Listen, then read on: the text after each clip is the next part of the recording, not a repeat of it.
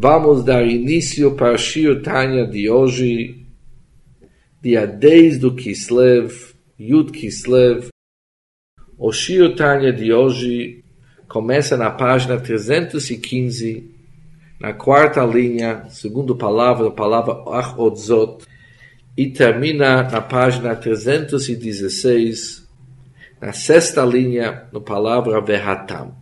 No Shir Tanya de ontem, Após os vários shiurim que nós aprendemos a grandeza e a singularidade do cumprimento dos mitzvot masiyot, de fazer uma mitzvah bemase com ato, o Balatani também explicou como que os objetos com quais vão ser feitos os mitzvot, por exemplo, um etrog, ou pergaminho que está sendo usado para tefilin, apesar que eles fazem parte do mundo do klipat noga, que é intermediário que pode ser levado para Kedushá, mas apesar que eles se encontram no nível do Klipat Noga, eles funcionam para o estilo da Halatman, elevação das águas femininas e o despertar de baixo para poder despertar o horror no mundo da Tzilut para se vestir nos Kelim.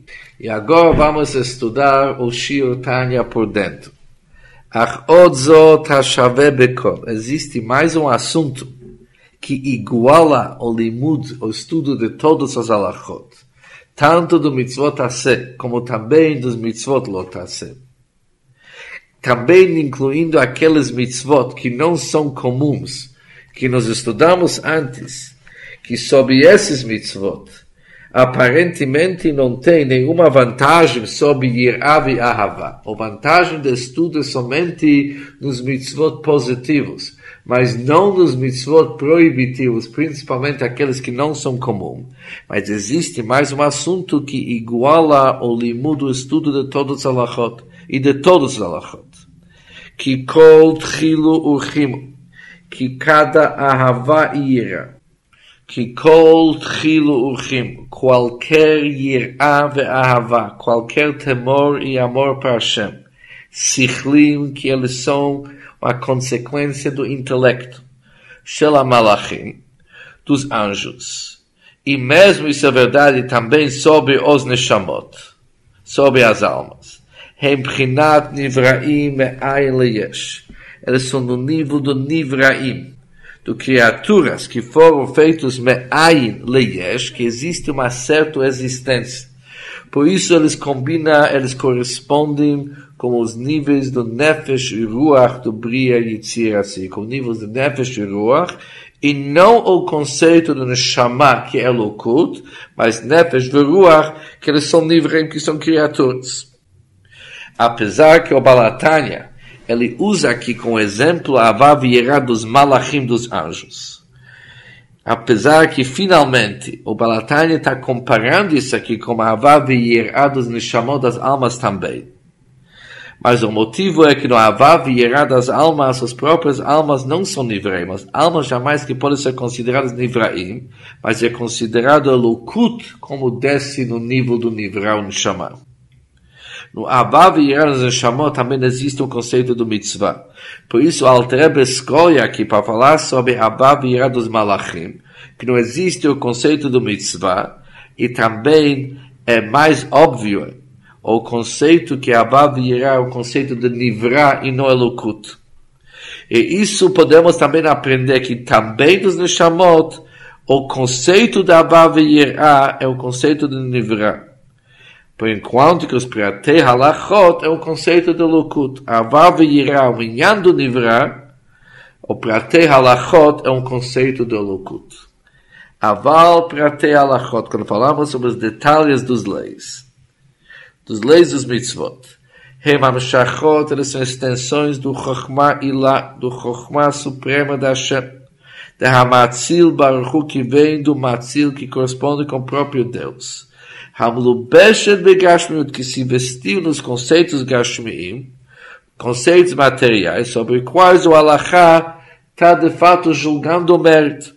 Por exemplo, quando tem uma Hamachlif para Bechamor, alguém que trocou uma vaca para um jumento, o Halachá o Chokhmah que Melubash, que se veste na Lacha, o Chokhmah que vem desde o Matzil, desde o próprio ser do Hashem.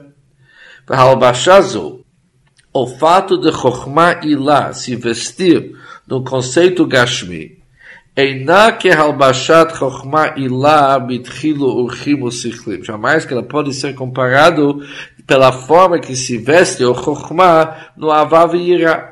Ou seja, de um lado, tanto na avav yirá se veste chokhmah ilá, sendo que cada nivrá ele tem chokhmah ilá, ele é uma consequência do chokhmah da Hashem, kulam be chokhmah asita. Além do fato que quando alguém consegue ter Ahava Yirah Sichlim, isso aqui é uma consequência do seu Seichel e Chokhmah. Por isso, o Chokhmah Ilah se veste no Ahava Yirah da pessoa, mas jamais que ele pode ser comparado pela forma que se veste. O Chokhmah da Hashem no Limud HaTorah, no Seichel HaTorah, nos Inyanim Gashmim, sobre qual que é o Lachatrat derrata, no caso do Chokhmah Ilah se vestindo na Avav Yirah Sichlim, Halevush, Umalim, Umastir Legamre, o Levush, a roupa, o vestimento, ele oculta e esconde totalmente sobre Chokhmah Ilah, que resta vehelem ha'aretz comparados com a forma que nossa terra, material, ele esconde o nível do Chokhmah da Hashem que se veste na terra. Como Shekatu, como está escrito, Kulam Bechokhmah Asita, que todas as criaturas, elas foram criadas do Chokhmah. E por isso Chokhmah Ilah também se veste na nossa terra Gashmi Vechumri, material e físico. Portanto, nossa terra, ela oculta e esconde totalmente o nível de Chokhmah Ilah que está vestido nela. Assim também, o Avav Yirah Sichlim, eles também eles ocultam o nível de Chokhmah Ilah que se encontra neles. Vahainu. Chitzoniyut de Chitzoniyut HaKelim. דמלכות דאצילות שבעשייה, או חיצוניות דחצינו, אסטריור דו אסטריור, דוס כלים דו מלכות דאצילות, כסינקונטרה דו ניבו דעשייה, שהיא מלכות דאצילות. או ניבו דו מלכות דאצילות, כלומר חיצוניות דו חיצוניות דו כלים דו מלכות דאצילות. מסותרת לגמרי ברוח נפש דעשייה, לטוטלמנטי. Escondido e oculto no conceito do Nefesh e Ruach, do mundo da Siyah, que é um conceito de Nivra. Mesmo o Chitzoniut e Chitzoniut dos Kelim do Malchut Atzilut, eles permanecem um conceito de Neshama Velokut. E para ele se vestir no Ruach Nefesh da Siyah significa um ocultamento total. Ou seja, como Chokhmah Ilah, ela de fato decibit kalelut no Malchut Atzilut.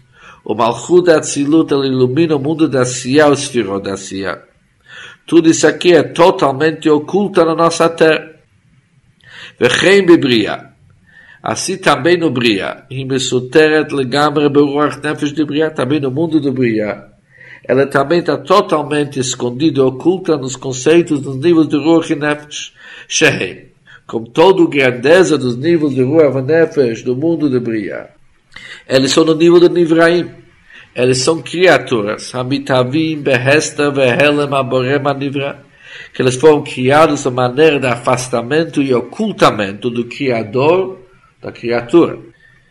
Ou seja, o Helem Vehester, do Chokhmah Ilah, que se esconde e se oculta no Avav e Yirah Sichlim, os choros deles é no mundo de Briah, que é o mundo da Hasaga. Por isso, quando queremos comparar a forma que Chokhmah Ilah se veste no Avav mesmo Avav e Yirah Sichlim, é o ocultamento total. Diferente, diferente é Masha'enkin Halachot. Diferente é quando falamos sobre os leis, os halachot da Torá. Harei, Harat HaChokhmah, ou irradiação do Chokhmah, Meirah Bahem Begilui. Ela ilumina, ela Begilui, de maneira revelada. Mas Enkin Halachot, diferente é sobre os Halachot. A iluminação e a irradiação de Chokhmah. Meirah Bahem Begilui. Ilumina eles Begilui, de maneira revelada. Não tem nenhum restante, não tem ocultamento. O levush Sia, o vestimento da Sia, que os alachot, eles desceram dos conceitos do nosso mundo, e existe sobre os alachot o levush do Lama Sia. O derech mai velovat é somente uma passagem, eles passam pelo levush da Sia, mas jamais que o levush da Sia, ele faz ele tem uma influência de mudar e modificar a essência de iluminação da Hashem que se veste naquele assunto. Quando falamos do conceito de Itlapshut, o Malbish é Poel Amulbash. Os vestes, as roupas, eles têm uma influência. Diferente é os levushim dos halachot, os assuntos sobre quais os halachot tratam em nosso mundo, eles não influenciam a pureza, a integridade do luz divina da Hashem que se veste naqueles alachot. Como Yontef. Por exemplo, no Yontef, que no Yontev ilumina o or do Chesed, do mundo do Bria. Shechesed Atzilut, Hamlubash legamre bechesed de Bria, que o Chesed, a bondade do mundo da Atzilut, que se veste totalmente no Chesed do Bria, Mechaye Olam Azeh Agashmi, ele apoia e sustenta nosso mundo material. Isto é, a idei Mavá Chesed de Yitzir Vacia, através de uma passagem que o Chesed de Bria, ele se veste no Chesed de Yitzir, no Chesed de Asia, apesar que não é uma verdadeira Itlapshut, é um tipo uma passagem express. Shimlokim, quando se tivesse pela passagem, lo haya poel begashmiyut olam hazer, jamais que ele poderia ter influência, ter efeito na materialidade do nosso mundo. Ou seja, aqui o Yonto está sendo usado como exemplo. Apesar que existe o conceito de Tlapshut no Yitzhak ainda a iluminação que nós alcança é considerado um or do Chesed do Briah Assim também corresponde com os halachot. Com itlapshut, o vestimento nos halachot é uma forma de mavar e ainda ela permanece uma ha'ara, uma irradiação do Chokhmah Ilah, do Supremo Chokhmah da Hashem. ואף שגשמיות עולם הזה ודאי מסתיר לגמרי אפילו על החסד עשייה. apesar que o gashmiut a materialidade do nosso mundo, com certeza, ele é oculto mesmo sobre Chesed Asiya, e com certeza que ele é oculto, ele esconde o Hara, a iluminação que vem do Chokhmah Ilah. Ou seja, o Davar Hagashmi, o assunto material sobre o qual que a Torá está falando. Por exemplo, a vaca ou o jumento sobre o qual o Lachá está tratando sem dúvida nenhuma, o Paraya Hamor, eles esconde e oculta o conceito do Chesed Asiyah. Mas mesmo assim, Mikoma como Halacha Atzma Eina Gashmiut Mamash. O próprio Halacha jamais que ele é Gashmiut. O próprio Halacha não é Gashmi. Shehi, o Halacha e o Psak, é o nível do ração, é o nível da vontade da Hashem que se estende desde o Chokhmah Ilah, lehakel ou lehachmir, ou para dar um decreto que é leve, ou para ser um decreto que é severo. Que isso aqui foi a decisão da Kadosh Baruch Hu, que o Psak Alachar, que o lei seja de tal forma. Rak. Tá? Somente que aquele ração Yored-lhe desce, o Meir-lhe ilumina numa forma de Gilu, numa forma de revelar Begashmiut, Kamayim Hayodim, como Gavoa, como águas que descem no lugar alto para o lugar baixo, o ração do Elion se expressa sobre o assunto Gashmi.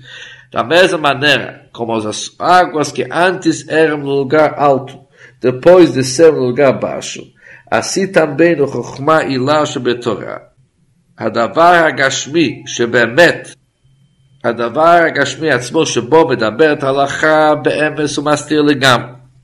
O próprio Gashmi, o Davar Gashmi, o assunto Gashmi, ele de fato é externo. Ele de fato oculta.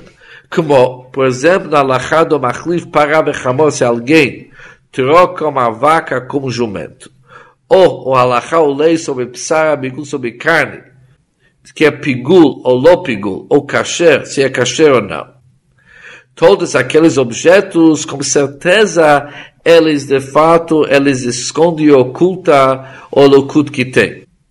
Ou seja, sendo que o Paragashmit, a vaca ou o Hamor, eles não são parte do Alachá, eles são apenas o objeto da Alachá, diferente do que é Trog, por isso eles por si só são uma Esther. Mas aqui nós não estamos falando sobre os objetos sobre quais a Torá está falando. Aqui nossa intenção é que o Seichel Agashmi, sobre o qual a se vestiu, sendo que ele é um Chelik da Alachá, aquele Seichel Agashmi jamais que é o ocultamento. רק ההלכה בעצמה, עם הטעם הנגלה, או פרופר הלכה כמו מוטיבו רבלטו, היא מבחינת מלכות דבריאה קורספונדי כמו ניבו למלכות דבריאה ויצירה. מבחינת נשמה, כתה לגדו כמו נשמה של אלוקות, המחיה ומהווה נפש רוח דובייה. que isso corresponde como nível de divindade que sustenta e ele cria os níveis do Nefesh e Ruach do Briah e Tziracia. כי נפש רוח הוא conceito do נברא, שהן כאלס תחילו אורחים או יראה יהבה של מלאכים והנשמות, tanto os malachim ou como as almas, de Chabad ou Chokmah Binadá deles, eles todos foram criados e recebem sua vitalidade Me'ayin Leyesh. Me'ayin parcerum Yesh. Velachen, e por isso aquela irradiação de Chokmah, que é o conceito da Torá, como se encontra em Yitzirah, Himeravet Simonam, ela satisfaz a sede dos malachim e dos chamot que se encontram naqueles mundos.